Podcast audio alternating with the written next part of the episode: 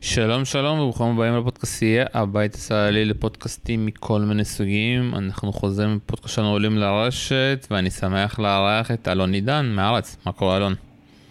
אהלן שלום, מה קורה? שמע, אני לא יודע איך להתחיל את הפודקאסט הזה, אבל באמת, מה שראינו מרפאל נדל ורולנד גאוס הזה, אפשר להגיד בלי רגל, כאילו, אתה יודע, על רגל אחד, כמו שאומרת הקלישאה. גם שמינית, גם רבע גמר, גם חצי גמר, ותודה ככה באמת לעלילת המזל שם ולמשטח שם, וכמובן כבר הגמר, אה, אתה יודע, היה חד צדדי. זה פשוט כאילו, אתה יודע, אני הרגשתי שהוא ראה כאילו ב repeat את המשחק שלו מול נובק ואת ההפסד שלו, repeat, repeat, repeat, repeat, וכאילו הבין איפה הוא טעה שם. וכאילו, ושהוא התחיל בכלל, אתה יודע, את המלחמה הפסיכולוגית, שהוא סיים את המשחק מול פליקס, אתה יודע, שקורטחה התחיל ככה לראיין אותו, והוא אמר, אני לא עוזב את המגרש הזה עד השנייה האחרונה. וזה פעם ראשונה, אני חושב, בכל רולנד גרוס, שנדל באמת לא הגיע כפייבוריט, אבל זה יותר מזה, שהוא באמת הרגיש שמישהו מנסה ככה להוציא אותו בכוח. וזה פעם ראשונה שבאמת ראיתי שנדל התעצבן, ושנדל מתעצבן, זה לא נראה טוב. כן, כל פעם מתעצבן, אני חושב ש, ש, שג'וקוביץ' הפך להיות פייבוריט ברולנד גרוס. שזה דבר, אתה יודע, מי האמין שיהיה מישהו שהוא לא נדל בתקופה הזאת שהוא פייבוריט במגרש הזה. והאמת ש... היה נראה שבאמת ג'וקוביץ' הוא פייבוריט ברולנד גרוס הזה. למרות ששוב, ההכנה גם של ג'וקוביץ' בכלל לא הייתה אידיאלית, ובטח של רפה, אז כאילו כל העסק הוא קצת פחות קלאסי ביחס לשנים האחרונות, אבל בכל זאת, תראה, המשחק ביניהם בשנה שעברה היה משחק שנתן תחושה עמוקה, באמת עמוקה, לא של מקריות, שג'וקוביץ' חלף על פני נדל ביכולת שלו גם בחמר, בשלב הזה בקריירה. כי זה היה משחק שג'וקוביץ' באמת נתן טניס חמר מושלם, והשאיר את נדל כביכול עם תחושה שהוא כבר לא יכול לנצח ברמות האלה. ולכן לבוא היה לרבע גמר הזה ולראות מה קרה שם, זה באמת, נדל, אני מסכים איתך, ראה בריפיט וריפיט וריפיט וריפיט, מה שהוא יכול לתקן, מה הוא היה צריך לעבוד עליו, ועשה את זה. יחד עם זה אני פה כבר אומר שאני חושב שראינו גרסה מאוד מאוד מאוד לא שלמה של ג'וקוביץ'. זה לא ג'וקוביץ' של שנה שעברה בעיניי, ששיחק את, ה, את המשחק הזה נגד נדל. הוא היה קצר במובן גם של, לדעתי, הכושר הפיזי שלו, וגם של היכולת הטניסאית נקרא לזה. היו יותר מדי טעויות שלא מתאימות לו, ושבשנה שעברה הוא לא עשה אותה, משחק מושלם. ו... והייתה תחושה במשחק הזה, אם אנחנו נתחיל אותו במערכה השנייה, כשהוא חזר מה-3-0 הזה, מ-0-3, שכן הולך לקרות מה שקרה שנה שעברה, שגם התחיל במערכה מהדהדת לטובת נדל, ואז התחיל המהפך, שאנחנו הולכים לחזור במהפך, אבל הפעם לג'וקוביץ' הרגשת שלא היה את הכוח הגדול שלו, ונדל באמת נתן אה, הופעה של מישהו שבא פעם לשנות את הסיפור הזה, וכן, זה היה המשחק, אה, אני, אני, תשמע, להגיד שזה היה משחק מפתח, שזה כאילו כביכול הקל, ועובדה שזה, אמרתי את זה אינסטינקטיבית, זה נכון, אבל צריכים לדבר גם על המשחק אה, מול פליקס, ובעיקר אולי על המשחק מול סאשה זוורב אחריו, כי גם אלה היו משחקי מפתח בעיניי. עכשיו, אני חייב להגיד משהו לגבי, אתה יודע, נדל נובק, אה, אתה יודע, כל האוהדים של נדל, ובסוף אתה יודע, אנחנו חייבים גם להגיד את האמת. בדיעבד מסתבר שהוא שיחק את הסט האחרון עם פציעה, עם הפציעה הזאת שאחרונת ברגל, שעכשיו אתה יודע, אנחנו מתחילים לשמוע עליה עוד ועוד, וגם הבנו איך הוא שיחק אחרי מוטה, הביא במיוחד רופא, ששם לו כל מיני, שיחק כל משחק עם... אה, זריקות, הזכיר לי כבר את כל הזריקות של מרקוס אה, רוסונובסקי, אני לא זוכר את הרופא של אה, נבחרת ישראל וכל ה... כן, מרק, נכון. וכל הסרטים וכל הסיפורים של ברקוביץ' וחיים רביבו, אז רופא מיוחד שנתן לו ככה זריקות, אז כביכול, אתה יודע, כל האוהדים של נדל גם אומרים שזה כאילו, עם כל ההיסטוריה בסופו של דבר, נדל בריא, מול נובק בריא, זה לא כוחות. די, די. על החמר. זה ממש כאילו, זה מעליב להגיד את זה, תשמע, אוקיי, תראה, שנה שעברה, מה, מה זה היה בעצם? מה זה היה שנה שעברה, המשחק ביניהם? נדל מה, בריא, פצוע, מה, מה, מה זה היה? אומרים שהוא היה בריא ש...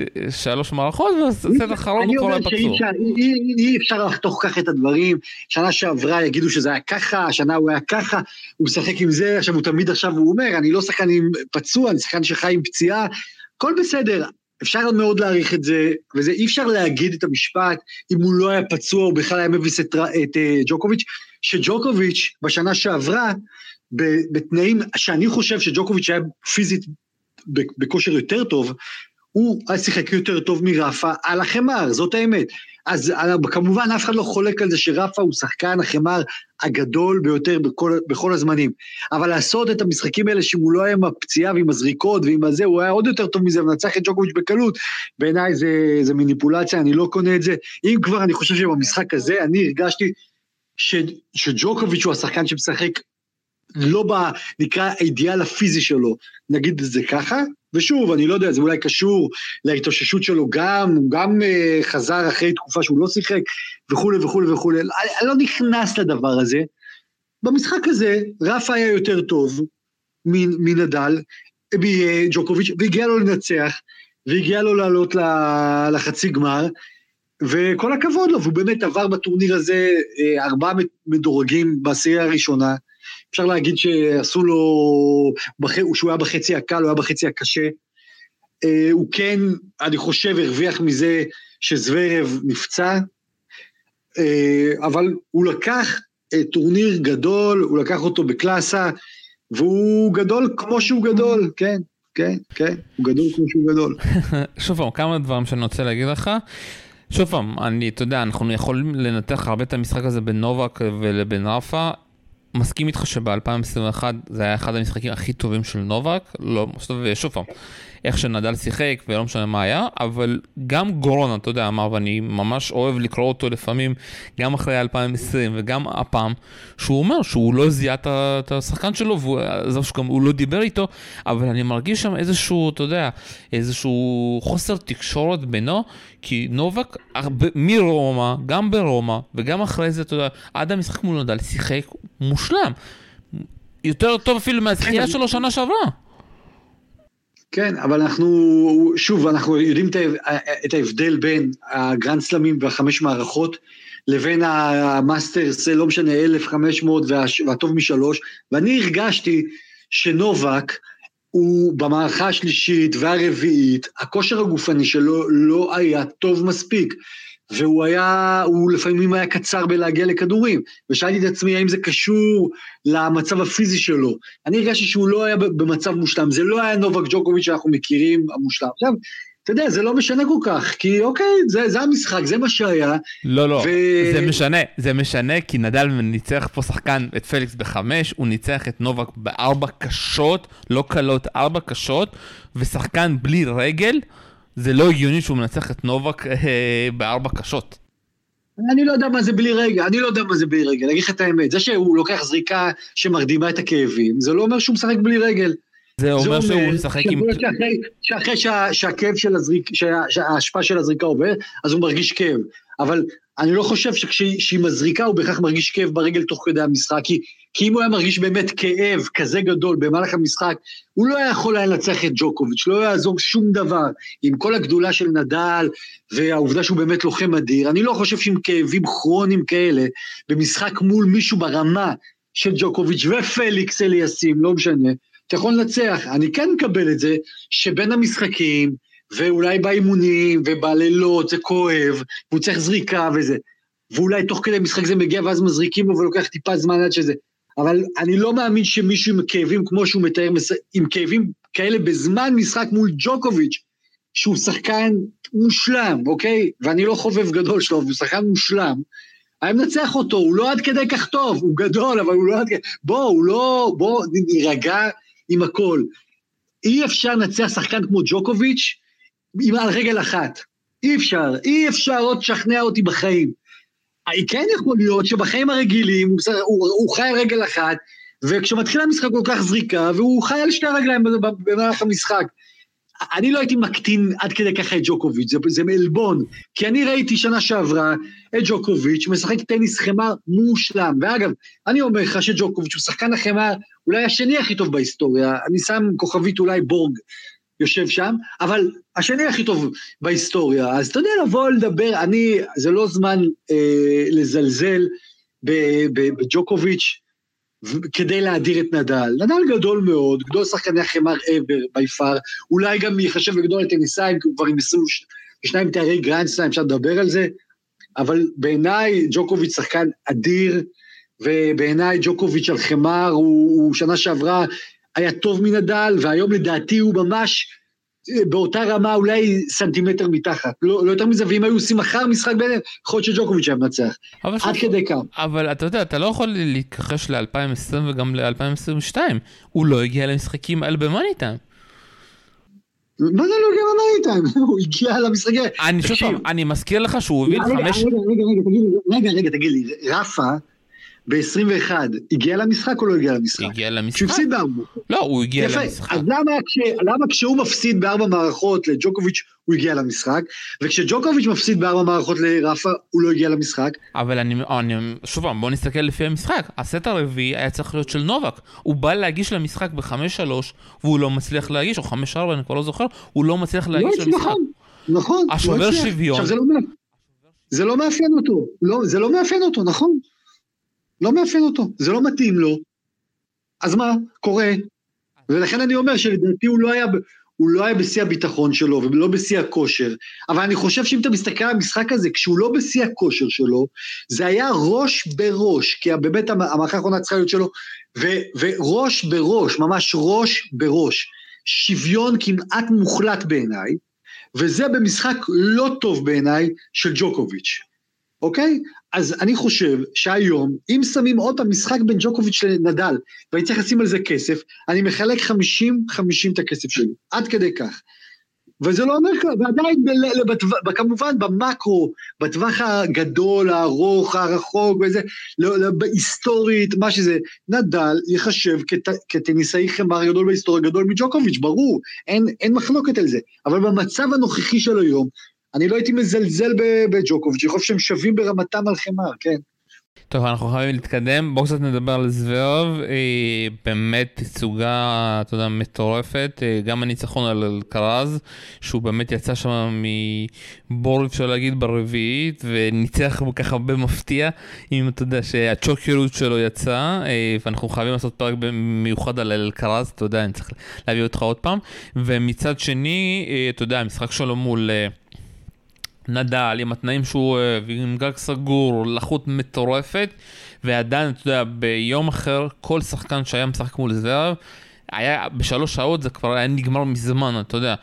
אני באמת עד עכשיו לא יודע איך נדל הצליח למשוך ביום הגשות כל כך רע. אני לא זוכר את נדל ביום הגשות כל כך רע. הוא הצליח למשוך את זוורב עם כל הבעיות הנפשיות שלו, לא יודע איזה בעיות יש לו עדיין בדאבלים או פסיכולוגיות, הצליח למשוך אותו למשחק של שלוש שעות, ועוד הם לא סיימו שתי מערכות, שוב אני אדבר אחרי זה על הפציעה. אז שוב, אני לא יודע מה יותר נס, הנס הוא שזוורב הגיע לזה, כאילו לרמת משחק כזאת, או הנס הוא שנדל חי אחרי שלוש שעות עם משחק סרב כל כך גרוע באותו יום. אני חושב שזה, שמה שקרה שם, כשמסתכלים על המשחק הזה, דבר אחד ברור. זוורב היה הרבה הרבה יותר טוב מנדל בטניס. הרבה הרבה יותר טוב. אבל בכל מה שקשור לראש, וכל מה שקשור למאני טיים, ורגעי לחץ, נדל היה הרבה יותר טוב מזוורב. ומה ש... שראינו בעצם, כן? זה שחקן טניס מצוין כמו זוורב, שבכל פעם שהוא צריך לסגור עניין בלחץ המטורף הזה מול נדל, הוא קורס ועושה שטויות, ורפה שפשוט הנגינג און, מה שנקרא, נשאר בכוח בתוך הטניס, ומנצל את הרגעים שבהם אה, זוורב קורס מנטלית, כדי לנצח למשל את המערכה הראשונה, כשזוורב מוביל 6-2 בשובר שוויון, 6-2, ובאמת רק צריך לסגור את העניין, ואותו דבר במערכה שנייה שהוא מוביל, שהוא מגיש למשחק, כן, מגיש למערכה, ופשוט מתחיל במופע מצמרר ומביך של טעויות כפולות, של כל טעות אפשרית שיש בטניס, ורפה נמצא שם כדי, אתה יודע, לקחת, להרים מהרצפה את הכסף הזה. ואני חושב שזוורב זה היה מצד אחד יום שבו ראו כמה הוא שחקן טניס מוכשר, ומצד שני ראו כמה הוא מקרה ראש גדול. זאת אומרת, וזאת הבעיה של זוורב מהתחלת הקריירה שלו ועד היום. זה בן אדם שיש לו טניס באמת, הכל, הכל אולי חוץ מסרב שני, אוקיי? שזה גם קשור לראש שלו לדעתי, אבל הכל, באמת, פורן נהדר ובקאנד שתי ידיים אדיר, פשוט אדיר. ומה שאתה רוצה, וראש, איך נגיד את זה ב- ב- בשפת רחוב, דפוק. פשוט דפוק. ואתה רואה כל הזמן שהוא מסתכל לבוקס שלו ומסתכל למעלה ואומר מה קורה, מה יקרה איתי, מה זה הדבר הזה. והאיש הזה לא סגור על עצמו, יש לו איזה בעיה, שאתה יודע, צריך לטפל בה, אבל כל עוד יש בעיה, רפה שם, כי רפה מזהה את הדברים האלה. ורפה אמר לעצמו, לא שהייתה לו ברירה אחרת, אני פשוט צריך להישאר באזור, וברגעים האלה שהוא יקרוס, לקחת את ה... להרים את הכסף מהרצפה, וזה מה שהוא עשה. אגב, אני לא בטוח, אני לא יודע, לא יודע, אם אה, זוורב לא נפצע, אם בהכרח אה, רפה מנצח. זה היה יום מזעזע של נדל בטניס, מזעזע, זה לא רק ההגשות, בעיניי זה כל הטניס שלו היה מזעזע. טעויות על טעויות על טעויות, אתה ראית שהתנאים האלה, הוא לא יכול לשאת אותם, היה את הרגע הזה שהוא מסמן עם הידיים עליי שהכדור ענק, כן? כי באמת הלחות והגג הסגור והכדור נראה הרבה יותר, והוא שונא את זה, זה לא התאים לו. היו רגעים שהפרצוף שלו היה כל כך מיואש, כאילו הוא היה לדי כבר, זה הזכיר לי קצת התנאים והתצוגה שלו, את פדרר באוסטרליה נגד מילמן, בלחות המטורפת שהייתה, שהוא לא הצליח לעשות כלום. ביוס אופן, כן? ביוס אופן, ביוס אופן. ביוס אופן, סליחה, ועם זיעה מטורפת, שהוא לא יכל לזוז, משהו שם לא עבד, וראית איך הוא הולך ומפסיד, לא, לא יעזור שום דבר. ככה הרגשתי לגבי נדל, ופשוט אה, זוורב, אתה יודע, הפציעה הזאת סגרה את הכל, אבל הוא, הוא, הוא פשוט הראה את שתי הפנים שלו, ואלה שתי הפנים שלו, זה שתי ה... שני הזוורבים שחיים באותו גוף, אוקיי? Okay? ונאבקים זה בזה, וזה מה שמחבל לו באפשרות להיות, כרגע לפחות, בטופ של הטופ ולא רק בטופ, זאת אומרת, לשבור את ההגמוניה של הגדולים האלה, שצריך להגיד על זה גם משהו, תשמע, אני אומר לך, גדולתו של נדל אגדית, אוקיי? והטניס של נובק הוא, אין מה להגיד. ופדרר כבר דיברנו, הוא כבר כרגע לא רלוונטי. ועדיין לא, בעיניי, לא סביר ששחקנים בני 24 ו-5, כמו זוורה ומדוודה וכל החבר'ה האלה, לא מסוגלים באמת לשבור את ההגמוניה הזאת. לא אחד פה, אחד שם, טים לוקח ואז הוא נכנס לדיכאון, או מדוודב לוקח ואז פתאום אתה לא, לא יודע מה קורה איתו וזה. לא, להיכנס לתוך השלישייה, לפרק אותה ולקחת. וזה אומר משהו עמוק. תראה, ראינו צ'יליץ' מדוודב, סליחה שאני חותך פה לזה. האם זה הגיוני שצ'יליץ' מטאטא ככה את מדוודב?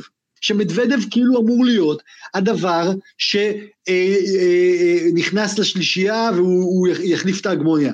בעיניי זה אומר משהו עמוק, עמוק, עמוק, עמוק על שאלת מדוודב ושאלת זוורב. לא, אבל שאלת מדוודב, סליחה, על החמר זה לא שאלת מדוודב, כולנו יודעים מה זה מדוודב על החמר. בעיניי לא, לא, שמע, אני לא מקבל את זה שטניסאים שאמורים להחליף לשלושת הגדולים האלה. אנחנו נגיד, תשמע, בדשא ובחמר זה לא הטורניר שלו, ולציציפס נגיד בזה זה לא הטורניר שלו, וזה לא, זה גדולה. אבל זה המציאות, אתה יודע, גם על נדל בהתחלה.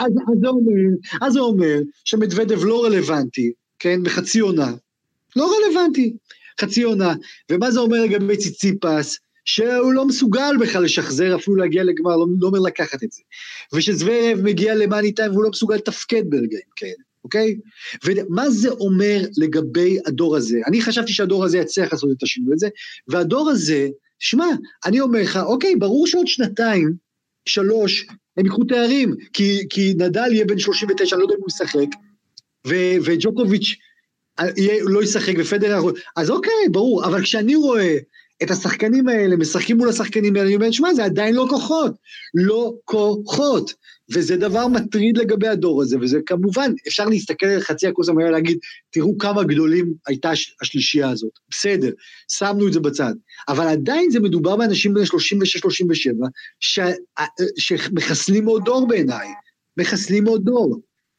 זה פשוט דבר, זה, זה לא דבר של מה בכך, ואני אומר, אגב, על קרן היה נראה, נראה כמו מישהו שיכול אולי באמת להגיד, חבר'ה, באתי, אני משהו אחר, אני בא לשחק גם בחמר וגם בקשים, אני לא תגידו לי, אני לא מגיע לדשא ולחמר, לא, אני בכל המשחקים ואני בא גם מנטלית גם לנצח, לא רק פיזית ולא רק טכנית, גם מנטלית, אתה רואה משהו באופי וזה. אבל החבר'ה האלה, אתה רואה פריחים, פריחים. דיברנו על זה, אבל אני חייב שוב פעם אה, לסיים כאילו משהו על זוורוב. אני שוב מסכים עם כל התזה שלך על זוורוב, ואף אחד לא יודע מה היה קורה אם המשחק היה נמשך ל-4-5 שעות, ולדעתי המשחק הזה גם יכול ללכת ל-6 שעות, עד שמישהו, אתה יודע, לא היו מוצאים את מישהו מהם בשפכטל, כי הם היו שני מש... משוגעים באותו משחק. ובסופו של דבר קרה מה שקרה, אתה יודע, אני כבר, אני, דיברנו המון פה על זוורב ועל כל הבעיות וזה. אני לא זוכר, אתה יודע, יש שחקנים שככה גדלים ומתפתחים. אני שראיתי פעם ראשונה את זוורב, זוכר בטורניר המבורג לדעתי, ראיתי שחקן כיפי, צעיר, גבוה, משחק טניס התקפי. הגרסה שאנחנו רואים שעכשיו של זוורב היא כל כך משעממת, ואני אומר לך, זה אולי היו שני המשחקים הראשונים, גם מול אלקרז וגם מול נדל, שלפחות נהניתי, אתה יודע, הוא לא היה כזה התקפי, אבל הוא היה כן יוזם, הוא כן הבין איך משחקים, וסוף סוף, אתה יודע, סחטיין שהם הביאו את סרג'ו, אה, לא זוכר את השם המשפחה שלו, המאמן הספרדי, אה, שהם הביאו לצוות שלו, שככה התאסף ככה לאבא שלו, אתה רואה מישהו שאתה יודע, עם עין, שבא ומלמד איך משחקים על החימר, ובשעה טובה, מישהו שגם עושה את זה, יודע, את כל מה שמלמדים אותו. אז זה היה קודם כל מאוד מאוד כיפי לראות את זוורב, אבל שוב פעם, אתה לא יכול להוציא, שיש בעיות, אה, אתה יודע, כמו שהיו בעיות אצל סטן וורבנקה לפני שהוא זכה, אתה לא יכול לעשות הוקוס פוקוס וזה ייעלם, אתה יודע, תמיד הבעיות האלו, הבעיות המנטליות האלו יהיו. ואחד הבעיות עם הפציעה הזאתי, שלדעתי התקופת החלמה שלו זה חודשיים, שלוש, זה איזה זוורב נראה אחרי זה. כי יהיה לו מאוד קשה לחזור, שאלקרז פשוט יתאפס וייקח נקודות, וציציפס ייקח נקודות, ומדוודב חולה על עונת הקשים. אני שוב פעם, באמת, כאילו, אני אומר, זה הפציעה הכי קשה בשביל סילבר, בטיימינג הכי גרוע, וכבר, ושהוא שאל את טים, איך חוזרים מפציעה, לחזור, ב, אתה יודע, במה שאנחנו נמצאים בטניס עכשיו, אחרי הקורונה, זה הדבר הכי קשה לחזור לשחקנים שהם בטופ 10.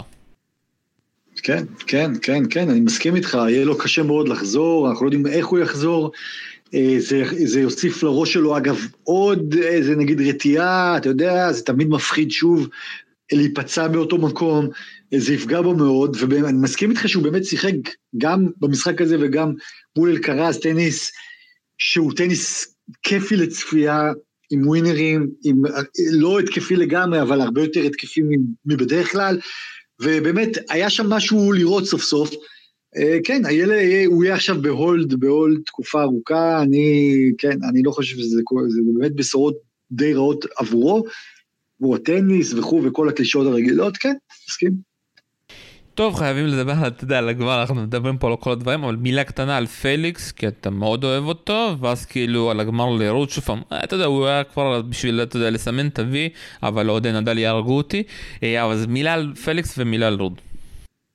קודם כל פליקס, אני חושב שהיה משחק נהדר, גם, בכלל משחק נהדר, אבל פליקס, אתה רואה את ההתקדמות שלו, על פליקס אתה מרגיש שהוא מתקדם בקריירה, אוקיי? זה חשוב. אה, אה, אתה שם לב איך הוא מוסיף כלים למשחק שלו, איך הוא הופך להיות שחקן יותר שלם, אני חושב שגם מנטלית, יש לו ראש טוב, יש לו ראש טוב, אני לא חושב שהוא שחקן שנלחץ מדי, אני חושב שהוא שחקן יציב בראש שלו, וכאילו מאוד שמחתי לראות איך הוא משחק אה, מול רפה. יש לו, הוא, מהשחקנים שאני חושב לאט לאט יכולים באמת להגיע לטופ הזה בסוף, ולעקוף אפילו כמה מאלה שהם כאילו יותר אה, כוכבים ממנו. אה, אגב זוורב, אז זה היה דבר יפה. על רוד, ששחקן שאני מאוד מחבב סך הכל, אה, אבל תשמע, זה היה גדול עליו, בכל מובן שהוא, כן? הבעיה עם רוד ושחקנים כמו רוד, במשחקים מול רפה, גם מול ג'וקוביץ' זה יכול לקרות, וזה, זה שאין להם איזה כלי נשק דומיננטי מדי. נכון שיש לו פורן מצוין, כן? אבל זה לא פורן שיכול לטחון את נדל, אוקיי? לנדל יש פורן יותר טוב משלו. ובשאר האלמנטים, backhand, ה backhand שלו לא מספיק טוב, הוא לא יכול לעשות נזק עם ה backhand שלו, וראינו שוב ושוב, זה הזכיר את תקופת פדרר, למרות שזה backhand שתי ידיים, מול backhand אחד, שהוא עושה את ה run around הזה, שהוא עוקף את ה backhand שוב ושוב כדי להכות ב forehand. זה סימן, כשמישהו עושה את זה מול רפה, אני יודע שהוא לא יכול לנצח. הוא לא יכול לנצח, הוא פותח את המגרש, וזה מעוות את כל המשחק, המעקף הזה שעושים. מול רפה, מי שרוצה לנצח, בחמר בטח, הוא צריך שיהיה לו בקן שתי ידיים, יציב, שהוא לא בורח ממנו, זה ג'וקוביץ' שיש לו למשל, אה, ואתה לא יכול לשחק ככה, ובטח ובטח בלי סרב, והסרב של רוד שהוא שיפר אותו, ומה שאתה רוצה, זה לא סרב שעושה נזק, זה לא סרף שמרוויח נקודות קלות, הוא צריך כל נקודה, כן, אה, להיאבק מול רפה, זה, זה בלתי אפשרי על, על החמר, בטח כשהסרף ראשון לא נכנס בכלל, וה, והאחוז שלו הוא נמוך, אז אתה משחק בעצם, מתחיל כל משחק בסרף שני, זה רע לי, אין לך סיכוי, לא היה לו סיכוי, והתוצאה לצערנו משקפת, והייתה לי הרגשה באיזשהו אופן, שאוקיי, הוא אומר, טוב, הגעתי לגמר פה, זה גם משהו, ואני מעריץ של רפה, והתאמנתי אצלו במיורקה, וכבוד וכבוד וכבוד וכבוד, אבל גמר אמיתי של גרנדסלאם זה לא היה. אה, חבל. אתה יודע, לגבי זה יש לי כמה דברים, אבל נתחיל קודם כל בפליקס. שמת לב שמתי נדל התחיל לשחק שם, במשחקון הזה של 4-3 בחמישית, וכשנדל מתחיל mm-hmm. לשחק, אתה לא יכול להסתכל נכון. אחורה? נכון, זה נכון, היה. נכון. זה, זה היה מפחיד. שוב פעם, ראינו בטורניר הזה כמה פעמים שאם נדל מחליט שהוא לוקח את המשחק, אתה לא יכול להסתכל אחורה, נדל פשוט דורס אותך. תראה, תגיד, אני היום משהו על הדבר הזה, אני לא יודע מה, למה נדל מחכה כל כך הרבה עד המערכה החמישית כדי להתחיל לזה, אני לא מקבל את הדברים האלה. בן אדם, שחקן, טוב ככל שיהיה, לא מחליט פתאום, כי אם הוא יכול היה להחליט פתאום, אז הוא לא היה מחכה 4-5 שעות. על המגרש. חושב שזה פיזי אבל. אני חושב שזה פיזי כי הוא הרגיש שהוא לא יכול לתת את זה אולי מול פליקס לאורך כל המשחק, אבל הוא כן הרגיש כמו שמול נובק, שיש שלבים כאלה במשחק, שזה שובר שוויון, וזה בסוף שהוא חייב לתת את כולו. גם את ההתחלה, אם אתה זוכר מול נובק, הוא פתח מפחיד בסט הראשון. כי נדל יודע מתי לשים את הגז, ומשהו שאנחנו לא מכירים מנדל, שהוא גם יודע לוותר לפעמים, אם הוא, יודע, הוא רואה שזה לא הולך לו. כן, יכול להיות. אני, אני, אני, אני פחות מאמין בכפתורים האלה שלוחצים עליהם, אני כן מאמין בזה שיש money time, אוקיי? אז השחקנים הגדולים מתפקדים שם יותר טוב. זאת אומרת שככל שהלחץ עולה, השחקנים הגדולים יודעים להתמודד מולו ולתעל את הלחץ הזה ל killer instinct, מול שחקנים שאו אין להם מספיק ניסיון או האופי שלהם לא מתאים, שהלחץ הזה גורם להם לרעוד, לאבד קצת ביטחון, להרגיש עכשיו שכל הקהל מסתכל, שעכשיו זה המאני טיים ואם הם יפסידו נקודה זה וואו מה יקרה וכולי וכולי, נכנסות מחשבות לראש, אתה לא מסוגל לנתק את עצמך ושם אתה מפסיד. אז רפה, כשהוא מגיע ל-4-3 כזה, אוקיי, קדימה, bring it on, ופליקס, אתה יודע, אין לו את הדבר הזה עדיין, אגב, יכול להיות שיהיה לו את זה, וזוורב, בכלל, הוא רק מרגיש שכאילו כל העולם על הגב שלו, ואז הוא שביר, מת, מתפרק בקלות, מה לעשות? זה, זה אופי, זה אופי של אנשים, אופי, נולדים עם זה, אופי, אופי. עכשיו, ר, אה, פדרר, עם כל הגדולה שלו, לא היה לו את זה. לא היה לו את זה, לא היה לו את זה. ומתי גילינו את זה? כשנדל הגיע, גילינו שאין לו את זה. זאת אומרת, מול המון שחקנים, חשבנו שיש לו את זה, ואז הגיע מישהו שיש לו יותר מזה, וגילינו שאין לו מספיק מזה, ושהוא קצת רועד במאני טיים הזה, גם מול ג'וקוביץ' אגב, בכמה נקודות מדהימות, מפתח, לא משנה, ב-US Open 2011, בווימבלדון 2019, לא שכלא, שהוא לא, לא עמד בזה. זה אופי של בן אדם, היכולת לנתק את עצמך, להישאר קר, ואתה יודע. ועדיין פליקס קיבל השנה את השיעורים הכי קשים אבל הכי טובים לעתיד. ההפסד למדוודב באוסטרליה, ההפסד לנובק ברומא, ברומא לא יודע אם ראית, זה היה אחד המשחקים הכי טובים של פליקס מול נובק. זה היה אחד המשחקים הכי טובים של פליקס מול נובק וגם המשחק מול נדל ש...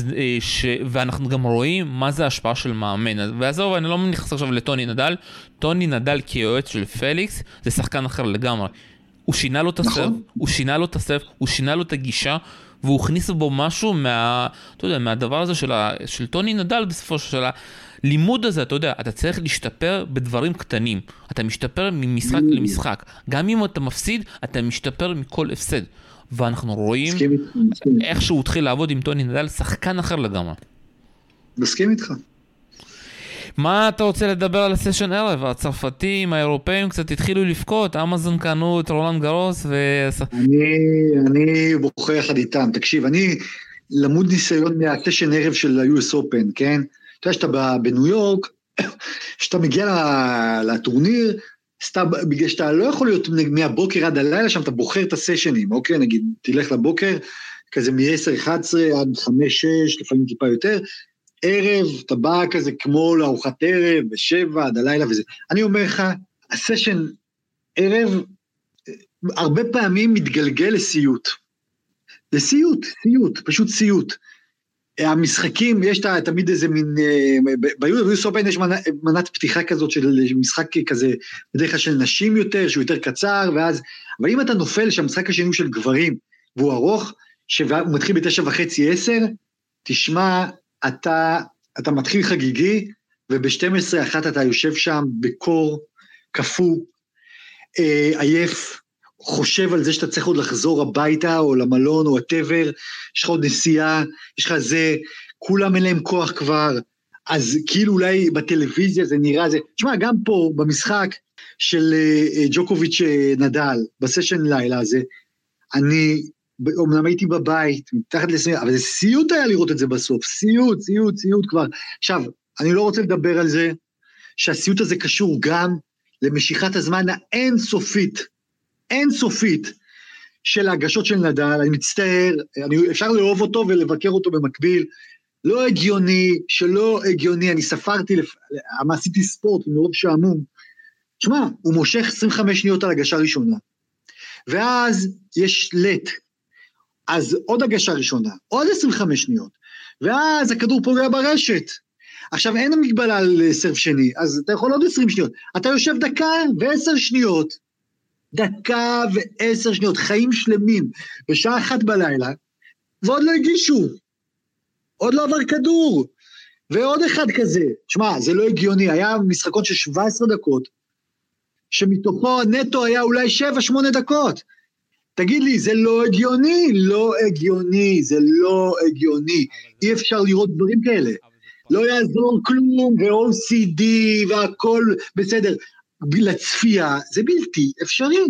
אבל זאת פרה קדושה, אתה יודע, לא נוגעים בה.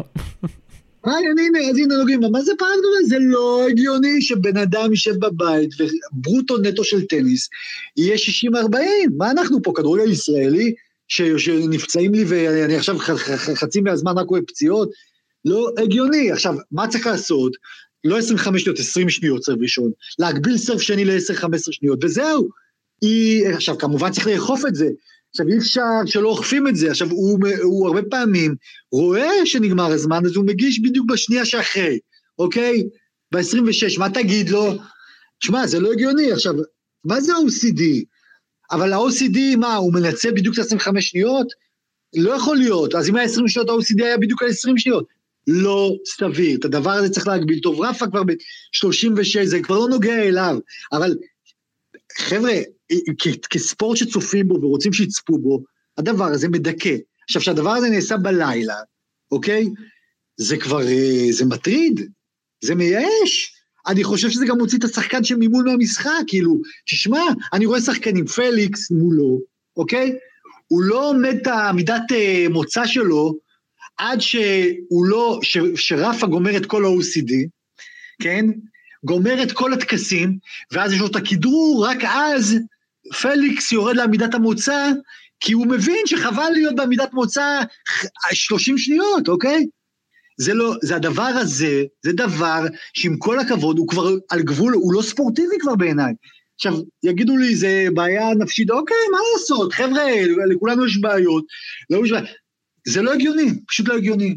לא, לא הגיוני. סבבה שוב, אני מסכים איתך לגבי זה, אבל שוב, מה אתה חושב כאילו העניין של הסשן ערב? סשן ערב זה דבר, דבר מעיק במשחקים של חמש שעות, כן? שמתחילים בשעה, שם זה התחיל תשע, אצלנו זה התחיל עשר, כן? תשמע, זה, זה, זה כמו לראות NBA באמצע הלילה, מה, מה זה, זה, זה, מה אנחנו ב... ב יש, אנחנו עובדים מחר, אנשים עובדים, יש ילדים, אוקיי? אז זה טוב אולי לטלוויזיה, כי כאילו זה פריים טיים, זה מתחיל בפריים טיים שלהם, אוקיי? אבל לאט לאט, אני, זה מה שאני אומר, החגיגיות הופכת למועקה. אוקיי? זה מה ש... זו דעתי על זה. אני השאל... נגד הדבר הזה, הש... אני לא אוהב את הדבר הזה. השאלה בסוף, אתה יודע, מי בסוף יזכה? בסוף, אתה יודע, יש פה את העניין של הטורניר. שוב, שוב פעם, הסשן ערב זה גם באוסטרליה, גם ביוס אופן, עכשיו גם ברון גרוס, ואתה יודע, בסוף הטורניר רוצה לזכות בכסף ולהרוויח כסף. כן, כן, תשמע, אם אתה שואל אותי אם זה מביא כסף או לא כסף, והם יודעים יותר טוב ממני, אתה שואל אותי כצופה, כחובב טניס, אני לא אוהב את זה. תשמע, אם זה היה טוב משלוש מערכות, משחק שמתחיל בתשע או עשר, וואלה, בסדר, גג שלוש שעות, אנחנו יודעים. אז נלך לישון ב-12. אבל להתחיל במשחק שפה מתחיל ב-10 בלילה, אוקיי? אצלם זה ב-9, ואני מדבר עליי עכשיו, 10 בלילה, משחק שאני יודע שיימשך 4-5 שעות. תשמע, זה מדכא אותך, אתה ב-1 בלילה, אתה יושב שם, אתה, ב, אתה אומר, די, אני עייף, אני גמור, אוקיי? אני לא מדבר על השחקנים עצמם שצריכים לשחק בשתיים בלילה, כאילו, מה, מה קורה? אז עם כל הכבוד לטלוויזיה הזאת, די כבר עם הטלוויזיה הזאת, בסדר, הבנו, הם רוצים לעשות כסף, אז שיעשו פחות כסף. מה, אני צריך לעשות להם חשבון גם? אפשר לחשוב שהם יהיו דלפונים אם לא. יאללה, שירוויחו פחות. מה, שיפסיקו לבלבל לנו את המוח כבר כל היום עם הכסף הזה. אתה יודע, חייב להזכיר גם את הבכי של זוורב, שוב פעם, אני מסכים איתו, שני משחקים במדריד, הוא שיחק, סיים אותם בשתיים בלילה, אחת בלילה, ואז היה צריך לשחק את הגמר בחמש בצהריים, וראינו פשוט גופה מהלכת. נכון, נכון, הוא צודק, זה לא הגיוני הדברים האלה, לא סביר. ועוד פעם, כל פעם שהעיוותים האלה נעשים כדי לגרוס עוד כסף, תשמע, זה לא שברולאן גארוס מפסידים כסף, זה לא שהטלוויזיה מפסידה כסף, זה תמיד השאלה כמה אפשר למקסם רווחים. אז פאק דמי מה למקסם רווחים, ותנו לנו לחיות טיפה יותר נורמלי, וגם לשחקנים. אבל אתה יודע, אני חייב שוב, אני חייב, חייב לסיים, אבל אני חייב להגיד את זה, ששאלו את מורסמו את השאלה הזאת במסיבת עיתונאים, היא באה אמרה, הלו, טניס נשים, לא מעניין, ואני שמה לכם רק טניס גברים. היא אמרה את זה כי היא לא בגלל העניין של השעות של הטלוויזיה, אלא בגלל שבואו, אם אנחנו רגע עוזבים שנייה politically correct, כן? אז תסתכל בבקשה על התוצאות של חצי הגמר והגמר שהיו ברולאן גארוס, תגיד לי. אז אני לא מסכים. אפשר להגיד שזה מעניין? אני לא מסכים, אני חושב שהמשחקים בסיבובים הראשונים היו יותר מעניינים. לא בסיבובים הראשונים, בחצאי גמר וגמר, בפיק של הפיק, של הפיק של טורניר. תגיד לא- לי, בחצאי גמר, מה היה שם? מה היה שם? לא היה כלום. מה זה? לא היה כלום. מה זה? לא כלום. לא היה כלום, אבל אני לא חושב שזה הגיוני שמתוך תשע משחקי בסשן לילה יש רק משחק אחד נשים, עם כל הכבוד למור עצמו. אני, אתה יודע, שתעשה את השיקולים שלה, אבל אני אומר לך, שבאיך שנבנה הטורניר הזה, איזה משחקים היית שם במשחקי הערב? תגיד לי אתה. היו משחקים... תגיד לי אתה. אני אגיד לך, עכשיו, הם רדוקנו מול הצ'כית, אה, היה משחק מעולה. צרפתיות, יכלת לשים אותם בסשן ערב. בסדר, אם הרדוקה, בסדר, אתה יכול לדבר איתי על פטריוטיזם ותשים צרפתיות בערב ואולי יהיה לזה זה. אוקיי, אני, אני, לא בצרפת, פה, בישראל, לא הייתי רואה את זה. לא הייתי רואה את זה. אבל בסוף... זאת האמת, לא הייתי רואה. אבל בסוף איזה משחק הייתי רואה של צרפתייה, תגיד לי. של איזה, איזה משחק? תן לי משחק של צרפתייה שהייתי שם. אבל הם נתנו לקורנט סשן ערב מול אוסטופנקו, זה כן מתאים. אתה מבין כאילו... כן, כן. אבל...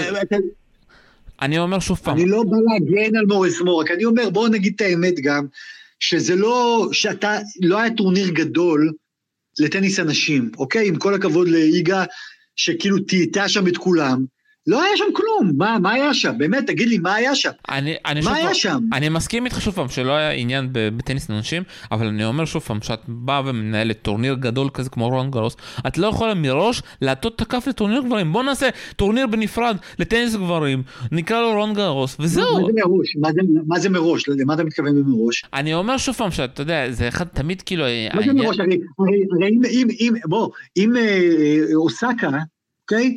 הייתה עולה לשלבים המאוחרים, למשל, אוקיי? והייתה נגד אה, איגה, או נגד, ברור שזה היה בנייט סשן, ומשודר בטלוויזיה, כי הם שתי שחקניות גדולות, שזה, ואם ברטי הייתה משחקת, אז זה היה. אבל תגיד לי, אני עכשיו, אני מורזמו, נגיד, וזה חשוב, מה אתה שם שם, באמת, מה אתה שם שם? בשלושה ארבעה ימים האחרונים של רבעי גמר גמר, מה אתה שם, חצי גמר גמר? איזה משחק היה שם ראוי לשים אותו בחלון הראווה של הטניס ושל הרולאן גארוס? עכשיו, הייתה תקופה, אני זוכר, בטניס נשים, שהוא היה הרבה יותר מעניין מטניס גברים. הרבה יותר מעניין, ושכל משחק שם זה היה קרב מדהים, כן? עם, עם סרינה נגד קלייסטרס, נגד הנין, נגד זה שראפובה, נגד זה, יכלת למלא את כל הנייט סשן בטניס נשים. ככה שזה לא עניין עכשיו של נגד נשים או נגד גברים, זו תקופה שבה טניס הנשים מחפש את עצמו, אוקיי? ו- ו- ואף שחקנית לא מצליחה, או אין שלוש, ארבע, חמש שחקניות שמצליחות לאחוז לאורך זמן בפסגה ובהגעה לשלבים המאוחרים של, ה, של, ה, של הטורנירים האלה, ואנחנו מקבלים כל פעם איזה סינדרלות, מ, מ, שהן לא סינדרלות, תגיד לי, מה, קמלה ג'ורג'י מגיעה לאיזה... מה אנחנו מדברים פה? זה לא, זה לא מתאים, זה, זה לא, כן? זה לא, זה, זה לא. אז, אז אוקיי, אני לא אומר, יכול להיות שאפשר היה לשבץ טיפה יותר, אגב, ביקורת על מורזמו, אבל אם אנחנו אומרים את האמת, זה, תן, זה היה, זה, אני ראיתי, תשמע, חצי גמר האלה של אנשים, ואני התביישתי שזה חצי גמר של גרנדסאם, זאת האמת. התביישתי. כן, זה לא חצי גמר של גרנדסאם, סליחה, זה לא חצי גמר של גרנדסאם. אני חשוב, לא. אני לא יכול להגן פה על טניס נשים כמה שאני אוהב אותו, כי לצערי המשחקים המעניינים היו בעיקר בסיבוב הראשונים בשבוע הראשון, כן, השבוע השני כבר היה משעמם. נכון. טוב, שמע, אנחנו חייבים לסיים, לדעתי, אני חייב לסיים ולהגיד שלגברים זה היה טורניר מטורף. בחצי אחד, בחצי של נדל, על קרס, כל זה. רק בחצי אחד, רק בחצי אחד. רק חצי ואחד, החצי השני, זה היה בושה שציציפס לא הגיע לגמר. לא דיברנו על זה, אני רק בחצי דקה.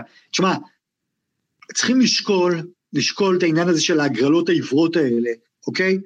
שבה רפה, ג'וקוביץ', אלקרז, אה, זוורב הם חצי אחד, ו, ו, וראינו מה קרה בחצי השני.